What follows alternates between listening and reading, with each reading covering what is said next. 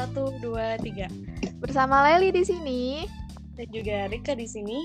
kita kembali lagi ke podcast kesayangan kita di Fikum. Fiksi hukum. Semua orang tahu, Kung.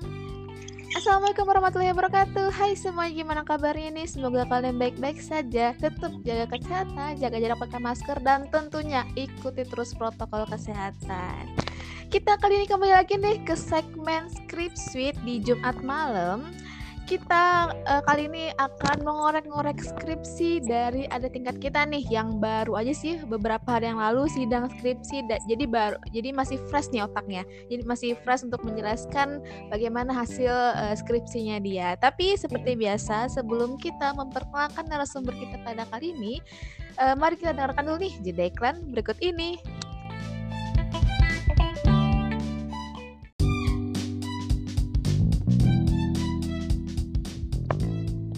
Ya, terima kasih kawan-kawan yang sabar menunggu. Jadi langsung aja nih kita akan memperkenalkan narasumber yang akan dikenalkan oleh Rika. Silakan Rika.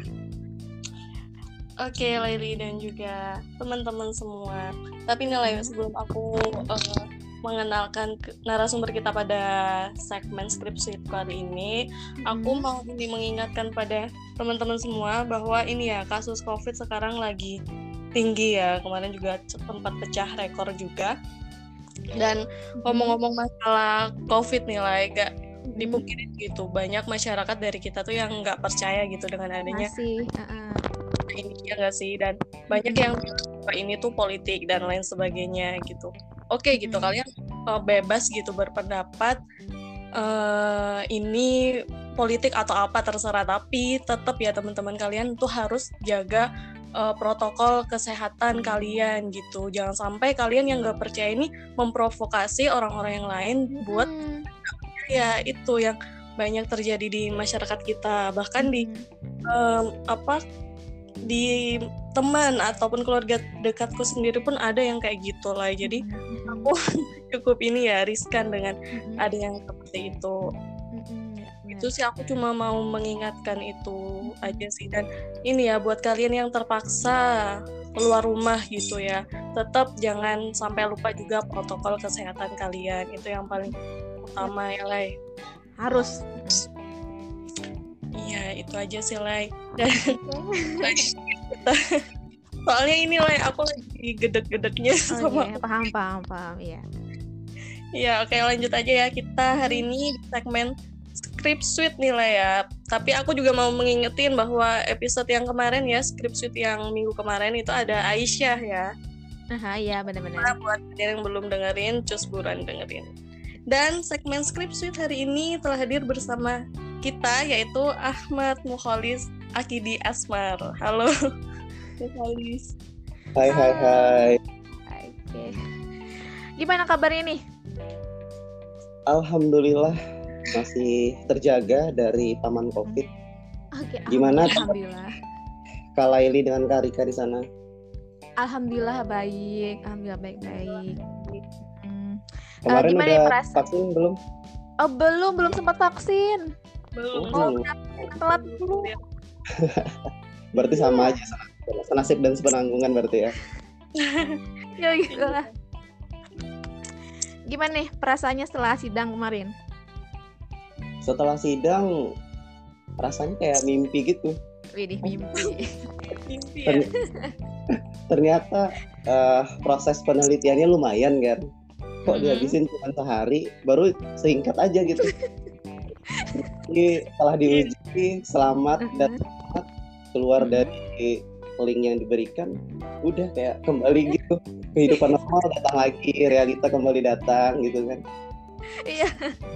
Iya. Ya, aku juga merasakan. Kita merasakan semua sudah nih. Gugupnya di awal, pas di akhir kayak gini Oh, aja kah gitu loh. Kok cepet? iya Yes. gini doang Sombong amat ya. nggak nggak bercanda bercanda Iya. bercanda Iya, iya. Langsung aja nih kita tanya judul skripsinya Holis apa nih? Eh, judul skripsi awalnya metode omnibus law dalam pembentukan undang-undang dalam peraturan perundang-undangan di Indonesia. Nah, Mm-mm. tapi kan udah diuji baru beragam masukan Jadi judulnya sedikit direvisi. Jadinya metode omnibus law dalam pembentukan undang-undang di negara hukum Indonesia. Oke, itu tadi judulnya ya. Kalau uh, yang melatar belakangi kamu mengambil judul ini apa? Yang melatar belakangi pertama uh, setelah mendengar ya pidato Bapak Joko Widodo pada sidang MPR tahun 2019. Nah, sebagai uh, mahasiswa hukum nih kayak merasa ketrigger gitu. Apa ini omnibus ya kan? Mm-hmm. Bahkan selama kuliah nggak pernah tuh dengar istilah omnibus, mm-hmm. omnibus law. Mm-hmm. Nah, itu mulai mulailah ada rasa penasaran untuk mengenali siapa sih omnibus ini. Mm-hmm. Tahun 2000 akhir menjelang akhir tahun 2020 tuh kayaknya udah menjadi momentumnya nih. Kayaknya kayaknya aku harus PDKT deh sama omnibus law. kan soalnya ini barang kan sering dijadiin omongan gitu. Entah siapa yang ngomongin pasti dikit-dikit omnibus law, dikit-dikit omnibus law. Nah, tapi kan isi isi pembicaraannya itu kan pasti nggak lepas dong dari konteks politik yang terjadi pada hari itu, pada saat itu. Nah, kemudian ikutlah uh, seminar, ikut diskusi-diskusi mengenai law, makin yakin nih hati untuk memilih dia gitu. dalam kan, ya, dalam nih karena sebelumnya kan sempat goyang juga pengen bahas mengenai buzzer Mm. tapi Mm-mm. kayaknya omnibus law ini kayak lebih meyakinkan di hati gitu jadi terpilihlah omnibus law untuk menjadi penelitian akhir untuk eh, skripsi kali ini Mm-mm. latar belakangnya Latar dan belakang. rumusan masalahnya apa nih Eh, di dalam penulisan ini ada dua sih yang menjadi rumusan masalah. Yang pertama eh, omnibus law tuh bisa nggak sih dipakai di Indonesia? Kemudian relevan nggak kalau misalnya digunakan nah terus yang kedua eh, apa yang menjadi implikasinya atau apa yang menjadi dampak ketika omnibus law itu dipakai di Indonesia? Nah itu Mm-mm. yang menjadi dua poin utama yang selalu dipermasalahkan dalam skripsi saya Oke, oke. Lan- eh, kalau penjelasannya terkait dengan rumusan masalah yang pertama gimana tuh? dalam hasil penelitian yang saya lakukan untuk menjawab rumusan masalah pertama itu ya Mhm. secara garis besar di Indonesia itu nggak pernah terdapat larangan untuk menggunakan omnibus law itu sendiri Mhm. bahkan secara normatif Undang-Undang 12 tahun 2011 yang ubah Undang-Undang 15 tahun 2019 tuh nggak ada nyebutin adanya larangan tapi di sisi lain juga nggak ada ketentuan yang mengatur mengenai omnibus law itu sendiri Mm. Mhm. Nah, jadi eh, dalam penafsiran secara gramatikal, omnibus law itu ya mau tidak mau, suka tidak suka ya dia harus tunduk dulu dong dengan eh, apa ya aturan yang berlaku saat ini kan. Tentu dia harus tunduk dulu karena ya Indonesia adalah negara hukum, segala sesuatunya harus berdasarkan kepada hukum. Kemudian eh, dalam penelusuran lebih lanjut lagi, ternyata dalam Undang-Undang Dasar Negara Republik Indonesia tahun 1945, which is konstitusi kita, itu ternyata eh, mengakomodir bahkan memberitahu bahwa ada tiga jenis gitu model undang-undang yang terdapat atau yang bisa digunain di Indonesia.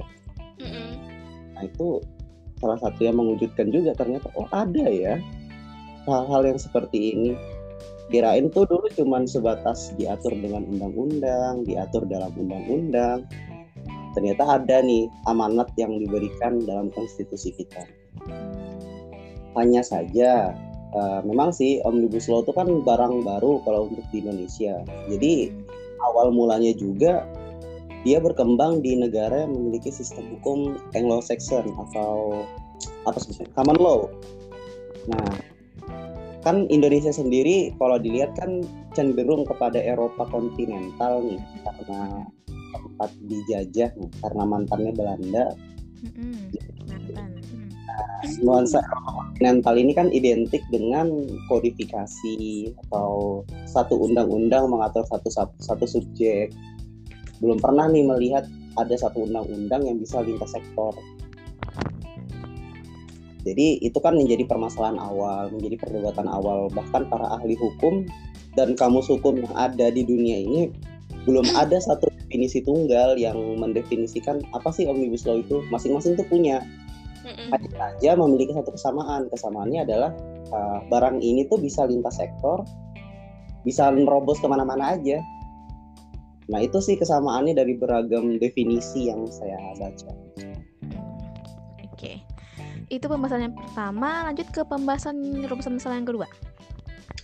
Rumusan yang kedua, apa sih yang menjadi dampak ya ketika omnibus law itu dipakai di, di Indonesia? Di dalam skripsi saya, saya bagi jadi dua. Yang pertama itu ada tiga aspek yang langsung berhubungan atau bersinggungan dengan omnibus law itu sendiri. Yang pertama aspek filosofis, aspek yuridis, dan aspek sosiologis. Dari ketiga aspek ini, kan dalam filosofis ya peraturan perundang-undangan yang baik itu kan yang memberi kepastian adanya konsistensi hukum. Nah, jadi dalam aspek filosofis ini kalau misalnya omnibus law ini diterapkan maka kecenderungannya lebih berpada orientasi kemanfaatan yang diberikan dari uh, produk hukum itu sendiri. Karena kan niatan dari adanya omnibus law ini ingin menyederhanakan atau melakukan harmonisasi aturan-aturan yang tersebar nih di mana-mana. Kan itu uh, kalau merujuk dari peraturan .go.id sampai hari ini tuh hampir 50 ribu peraturan tersebar di Indonesia. Dan masing-masing itu ada yang saling bertabrakan, ada yang saling tumpang tindih, ada yang saling ber apa ya bertolak belakang antara satu regulasi dengan regulasi yang lain, sehingga uh, menurut hemat saya ya kita lagi mengalami obesitas regulasi. Atau kalau istilah dari Prof. Jimli itu hiper hiper regulasi omnibus law ini hadir untuk memberi salah satu jalan keluar gimana sih caranya supaya merampingkan lagi dari gendutnya atau uh, padatnya regulasi di Indonesia. Hmm. Kemudian dari aspek yuridisnya ya pasti ketika dipakai omnibus law ini kan memberi kepastian hukum dong dari awal mempertanyakan kita mau pakai yang mana sih? Ada yang A, ada yang B, ada yang C, ada yang D. Bilangnya yang A yang benar, yang B, yang bilang C, yang ini yang benar. Nah, dengan omnibus law ini niatnya harapannya itu ya bisa meluruskan kembali jadi benang yang kusut diluruskan gitu. Mendapatkan kepastian hukum. Dan dam uh, implikasi terhadap aspek sosiologisnya masyarakat tuh bisa mendapatkan uh, manfaat bahkan merasakan tentram gitu bahwa oh ya aturan yang mengatur kita ini pasti sudah tidak seperti dulu dulu. Nggak diberi apa ya ketidakkepastian gitu ketidakpastian. Digantung lah bilangnya ini oh yang dilakukan itu. Katanya yang ini kenapa pengen yang itu? Nah ya itulah harapannya ketika omnibus law yang dipakai. Dan implikasi berikutnya ada yang positif tentu ada yang negatif. Karena kan namanya juga alat seperti halnya pisau kan kalau dipakai untuk memotong sayur atau memotong daging ya baik fungsinya. Tapi ketika digunakan untuk menyakiti seseorang ya pasti akan buruk sebutannya okay. Nah begitupun dengan omnibus law. Kalau misalnya positif sesuai harapan ingin menata kembali regulasi yang berhamburan lah kalau sebutannya kalau bahasa Banjar. Yeah, berserakan atau nggak jelas gitu. Kemudian uh, bisa menghemat proses uh, perbaikan regulasi. Karena kalau misalnya kita bayangkan satu undang-undang diperbaiki untuk satu undang-undang lagi itu butuh berapa lama gitu.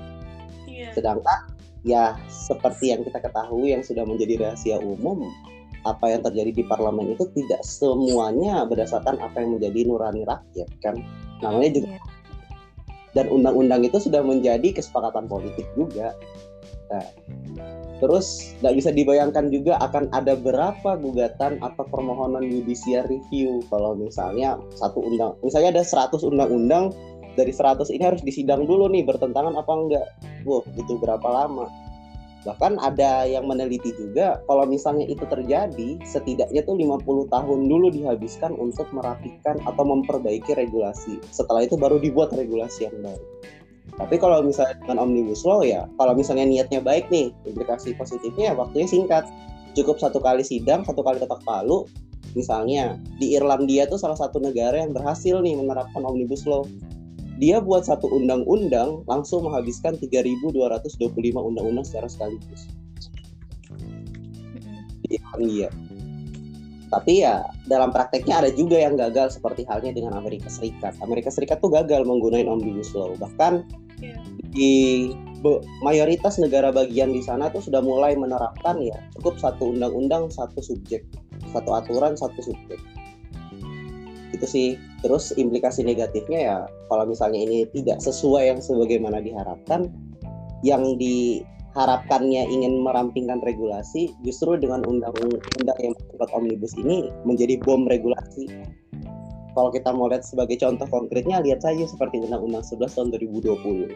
Kan harapannya ingin menyederhanakan regulasi gitu, memotong birokrasi dan lain-lain.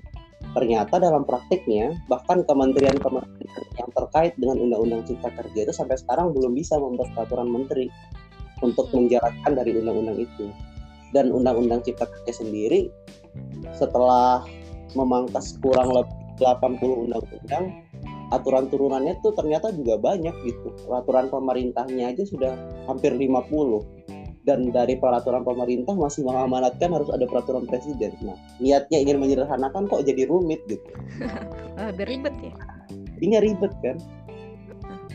Nah itu sih salah satu yang perlu kita evaluasi dan ya nggak bisa disalahkan juga toh baru pertama kali kok Indonesia pakai barang omnibus law jadi ya coba-coba dulu kan Coba-coba tapi jangan Ya. juga lah, sembarangan lah. tetap berhadiah ternyata nggak ada hadiahnya gitu Coba-coba jadinya malah bikin kacau nih. itu sih kalau ngelihat sih kalau Oke. kita lihat prakteknya tapi ya sebelum ada cipta kerja di Indonesia di Indonesia sendiri tuh pernah kok menggunakan metode ini cuman nggak disebutkan secara eksplisit bahwa ini omnibus law loh Mm-mm. itu yang saya temuin undang-undang tentang pemilu undang-undang 7 tahun 2017 itu ternyata modelnya omnibus law. Oke. karena di dalam undang-undang itu ingin menyederhanakan gitu. Dalam konsiderasinya kan ingin menyederhanakan supaya eh, pemilihan umum yang akan dilaksanakan ini secara serentak. Mm-mm. di dalam undang-undang ini langsung uh, memangkas tiga undang-undang yang masih ada. Seperti undang-undang pemilihan anggota DPR, DPRD dan DPD, kemudian undang-undang tentang pemilihan presiden dan wakil presiden, terus undang-undang tentang penyelenggara pemilihan umum. Nah itu langsung dipangkas jadi satu aja disebut dengan undang-undang uh, pemilihan umum, undang-undang nomor 7 tahun 2017. Mm-mm. Nah itu kalau dalam prakteknya omnibus, tapi omnibus ini terbatas. Maksudnya terbatas adalah dia masih temanya sama. Temanya tuh ya tentang pemilu aja. Mm-mm. Sedangkan Undang-Undang 11 tahun 2020 tentang Cipta Kerja itu kan lintas sektor nih dari yang dinilai berkaitan sampai tidak berkaitan Mhm. masuk aja semua. Jadi terlalu luas cakupannya. Seperti gitu. Mm-mm. Oke. Gitu. Cukup penjelasannya, pembahasannya. Enggak. ya kalau cukup berarti kita lanjut ke sesi tanya jawab nih. Rika, silakan duluan Kak. Serasa di sidang lagi ya. Enggak lah, sidang lah. Lagi duluan ke atau aku? Rika duluan aja, soalnya. heeh. Oke. Oke. Eh, apa ya? Tadi kan Mukholis juga bilang ya bahwa omnibus law ini nggak ada diatur baik dalam undang-undang eh, nomor 12 tahun 2011 bagaimana yang udah diperbaharui ya dengan undang-undang 15 tahun 2019. Nah, Iya. kalau di sana tidak mengatur mengenai eh, apa proses penyusunan ataupun tekniknya, lalu bagaimana dengan kemarin yang undang-undang Cipta Kerja itu dibuat gitu? Apakah mereka ini berpedoman pada siapa gitu?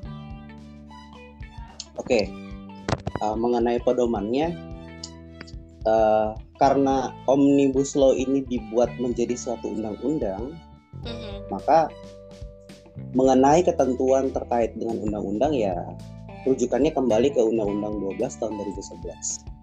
Hmm.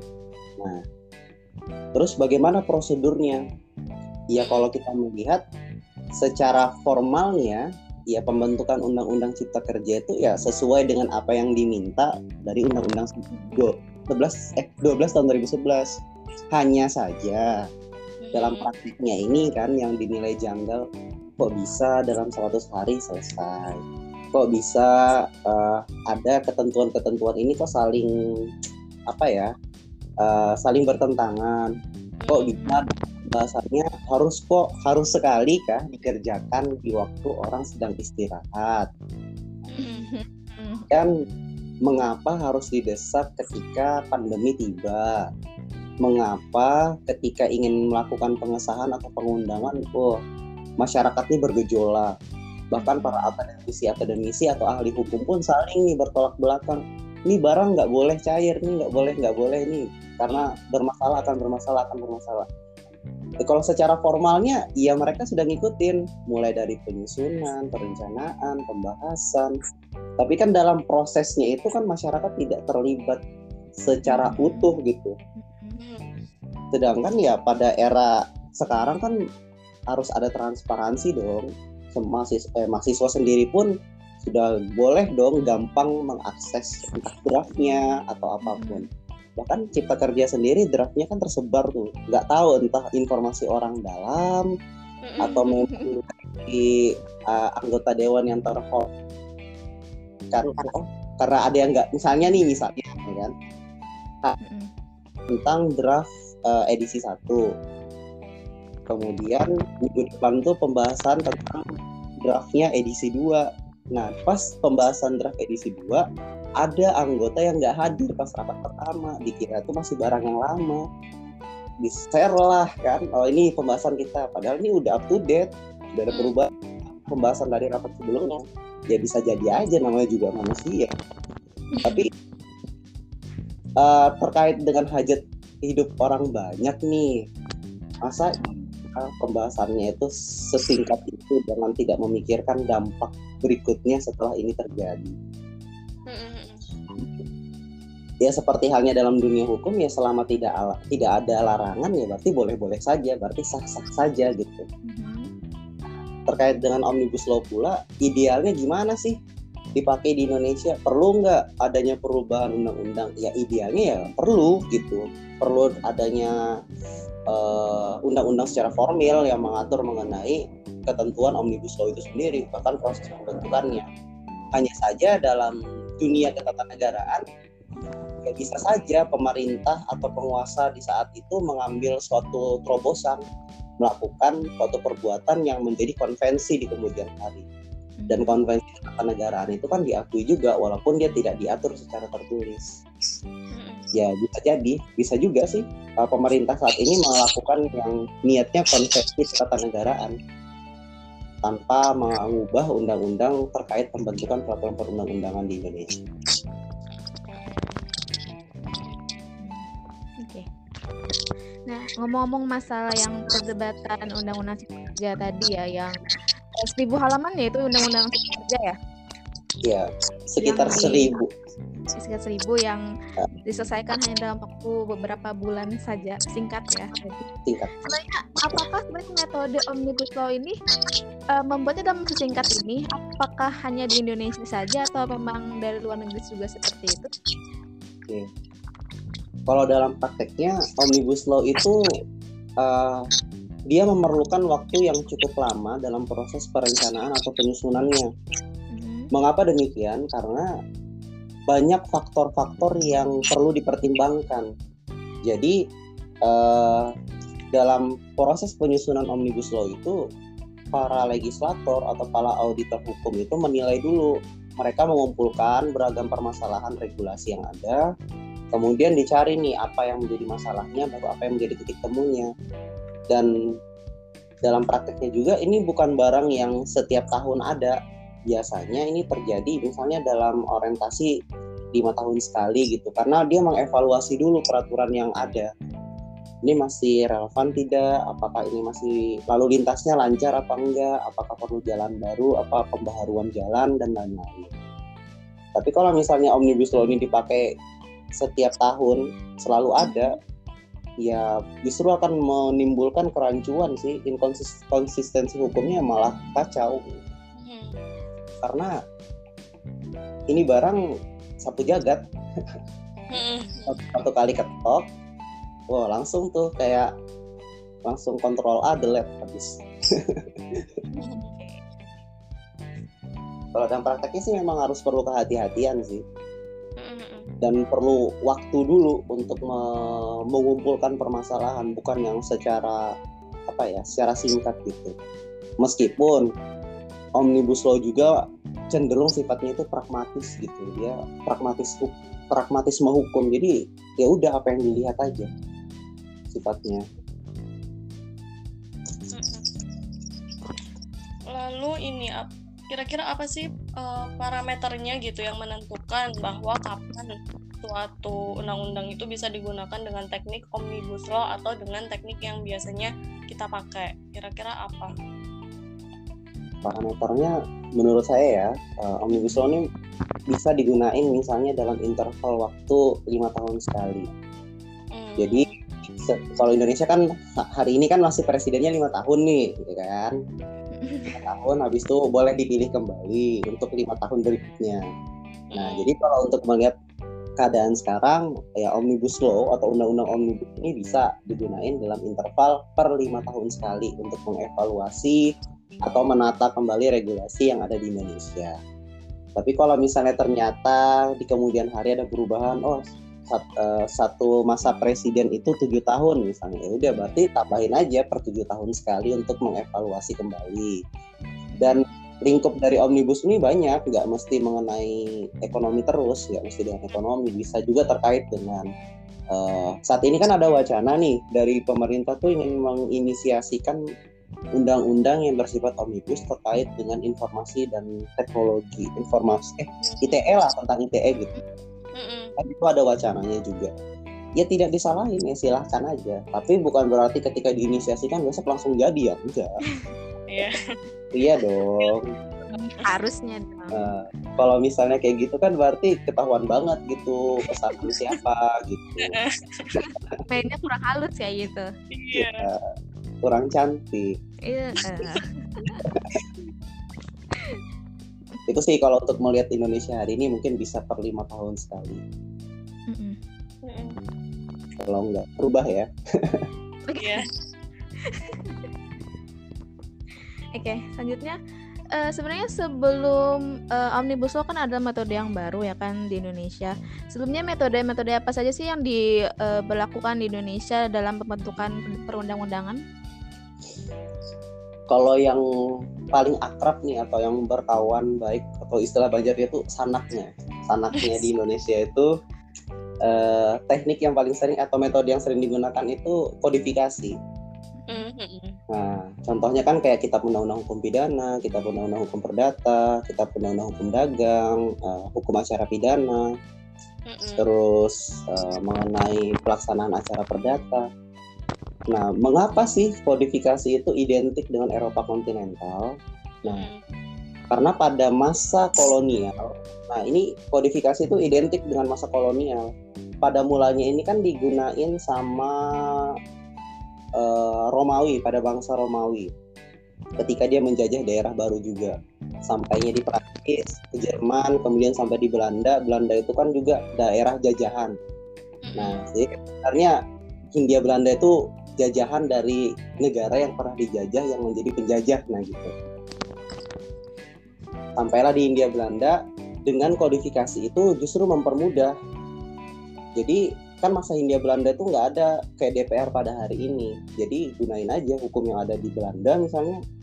Kita kasih nih satu buku semua terkait dengan pidana. Lahirlah Wetboek van Strafrecht terkait dengan hukum perdata lahirlah Beherlik Wetboek terkait dengan hukum dagang Wetboek van Koophandel gitu. Langsung dikasih aja tiga buku. Nih pakai ya di Hindia Belanda. Dan di kala itu memang nuansa kebatinannya kolonial ya ingin menggunakan hukumnya untuk dipakai ke daerah jajahannya. Dan ketika Indonesia merdeka kan Indonesia belum bisa move on nih dari hukum-hukum yang berlaku dari uh, dari mantannya lah gitu istilahnya jadi bisa belum bisa move on sampai hari ini kan ya masih menjadi rancangan aja gitu terkait RKUHP itu rancangan aja. Dan ya yang paling berkawan baiknya tentang kodifikasi. Kemudian di sisi lain juga Indonesia itu uh, memiliki metode satu undang-undang satu subjek. Jadi satu aturan tuh mengenai satu satu tema tertentu saja. Dan itu secara eksplisit tuh dituang di dalam lampiran Undang-Undang 12 tahun 2011. Terus uh, metode lainnya itu ada juga seperti metode istilahnya itu metode RIA dan metode ROCIPI. Itu juga dipakai tuh kepada para drafter-drafter di Indonesia dalam membuat satu regulasi. Gitu sih.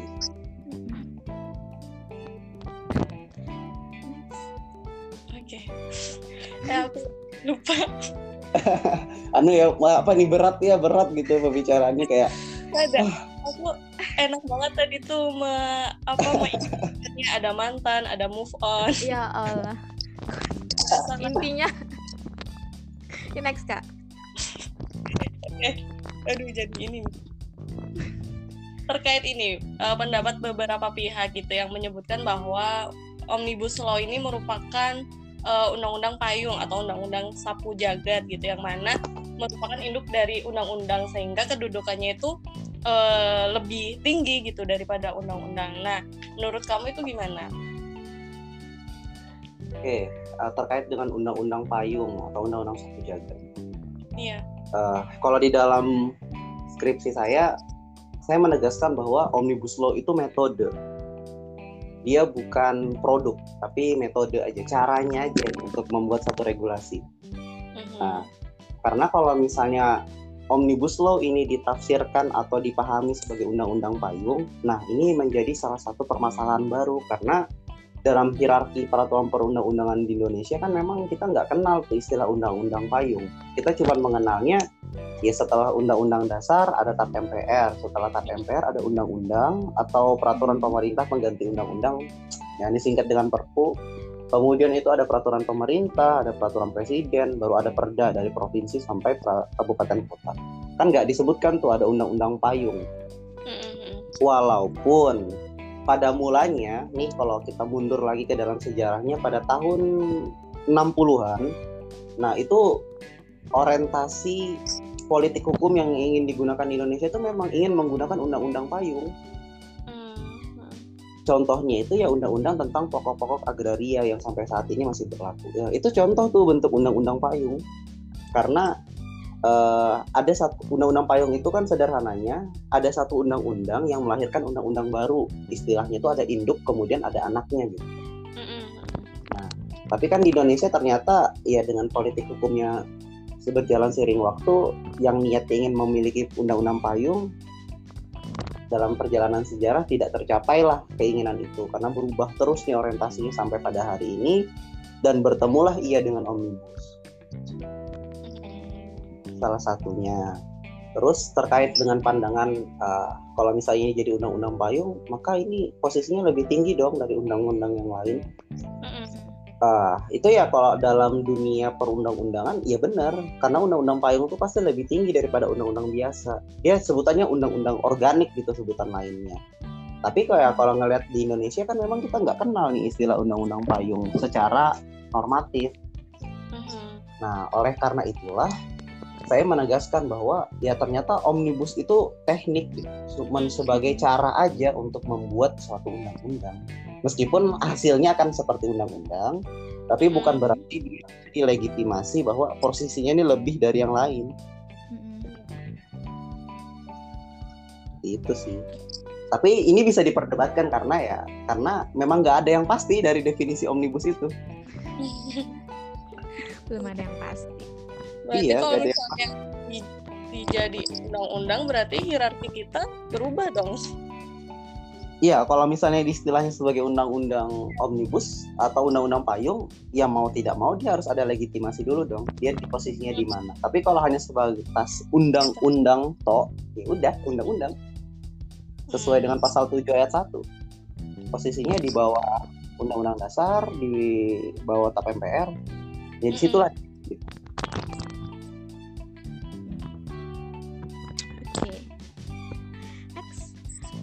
uh, aku nih sebenarnya mau nanya pendapat aja sih dari Holis. Sebenarnya apakah uh, hasil kan ada has hasil uh, metode omnibus law adalah uh, saat ini undang-undang cipta kerja.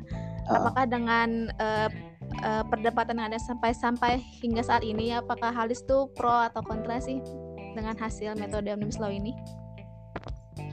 Kalau untuk cipta kerja, saya orang yang kontra terkait dengan isinya ya dan proses pembentukannya. Tapi kalau misalnya dengan metode omnibus law, saya mendukung karena Indonesia juga perlu gitu ada terobosan hukum. Jangan melihat ini kan dari common law, kita kan civil law, jadi nggak cocok. Nah, itu sudah perdebatan yang usang gitu. Karena saat ini batas-batas negara pun juga sudah tipis gitu. Karena ya dengan media sosial pun kita bisa berada di Amerika Serikat, dengan media sosial kita bisa berada di Jepang. Bahkan orang Jepang bisa ada di Indonesia dengan media sosial. Dengan orang apa ya dengan persepsi dengan seperti hal halnya demikian maka uh, ketika seseorang menolak kita nggak boleh pakai omnibus law. Ya saya rasa ya mohon maaf nih mainnya kurang jauh gitu Hmm. Karena ya namanya juga metode gitu caranya aja. Hmm. Tapi kalau misalnya disuruh menilai terkait hasilnya dengan cipta kerja, ya secara saya hati nurani juga saya kontra dengan barang itu. Hmm. Nah, ya gimana ya? Sampai pengesahannya aja tuh masih ada yang error gitu. Hmm. Errornya jelas banget. Jadi ya perlu hati-hati lah namanya juga barang baru gitu. Kan barang baru tuh dicek-cek dulu pelan-pelan. Seperti halnya kalau misalnya kita baru punya beli HP baru gitu kan nggak mungkin dong sampai kamar langsung lempar ke ranjang gitu enggak. pelan dulu ditaruh ya kan antisipasi dulu okay. jangan sampai lecet, jangan sampai hmm. jatuh. Hmm. Tapi kan kalau udah lama ya udah lempar sana lempar sini ya udah. Nah gitu juga dengan omnibus ya, namanya juga barang baru, ya pelan-pelan lah, pelajari dulu, dikenali. Bahkan iya. kita di Islam itu tahu cuman eh, gimana ya? Takut ngomong nanti ada yang tersinggung gitu. Uh, uh, uh, istilahnya itu belum kenal tapi langsung berprasangka buruk gitu loh. Hmm. kenal ini dia tuh siapa? Gimana sih dia? Gitu. Tahu-tahu langsung dibilang itu jahat dia tuh jahat oh padahal kita nggak tahu jahatnya apa. Karena uh, karena ya mayoritas selalu merasa lebih kuat ya pasti mau mau nggak mau kita nggak mau menjadi minoritas jadi ikut ikutan aja gitu. Oh ya ini ini jahat ini memang jahat dia itu jahat. Padahal jahatnya yang mana nggak tahu juga. Intinya ya udah jahat aja. Ini efek nih. Kan metodenya udah sudah bagus nih ya kan? Sudah ada metode uh, yang bagus. Tinggal pengaplikasiannya seperti apa nih? Iya. pemerintah kita kan?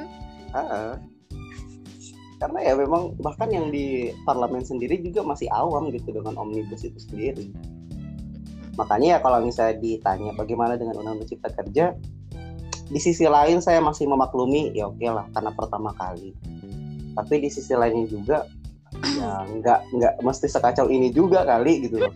Kalau misalnya kalau nggak paham tuh ngomong gitu loh bilang saya nggak paham saya nggak ngerti saya mau nanya dulu sama yang ahli gitu kan mengenai omnibus sendiri Prof. Jimli itu udah ngomong saya tuh kurang lebih 10 tahun sudah menge, apa ya menawarkan metode ini tuh untuk dipakai.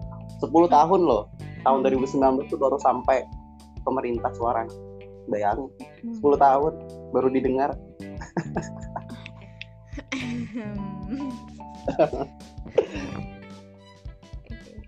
Itu gitu sih ya memang ya bisa diperdebatkan aja sih mengenai omnibus itu. Karena memang nggak ada yang salah. Semua nggak ada yang salah gitu. Masing-masing punya argumen. Laili yang salah. Aku pemerintah ya aja nggak deh. Yaudah ya Rika lanjut. Lagi? Aku cukup lah oke cukup. Oke Lali juga cukup.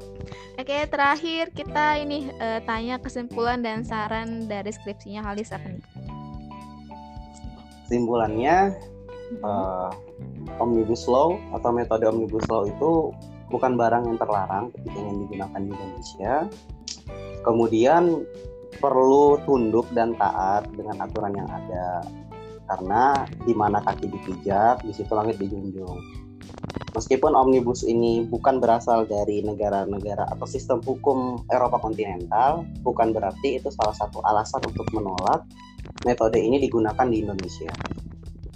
Kemudian uh, dalam penerapan ini seperti halnya uh, seperti halnya pisau apabila digunakannya sesuai dengan fungsinya maka dia baik hasilnya tapi kalau misalnya dia digunakan sebagaimana tidak semestinya, maka akan menimbulkan mudarat gitu.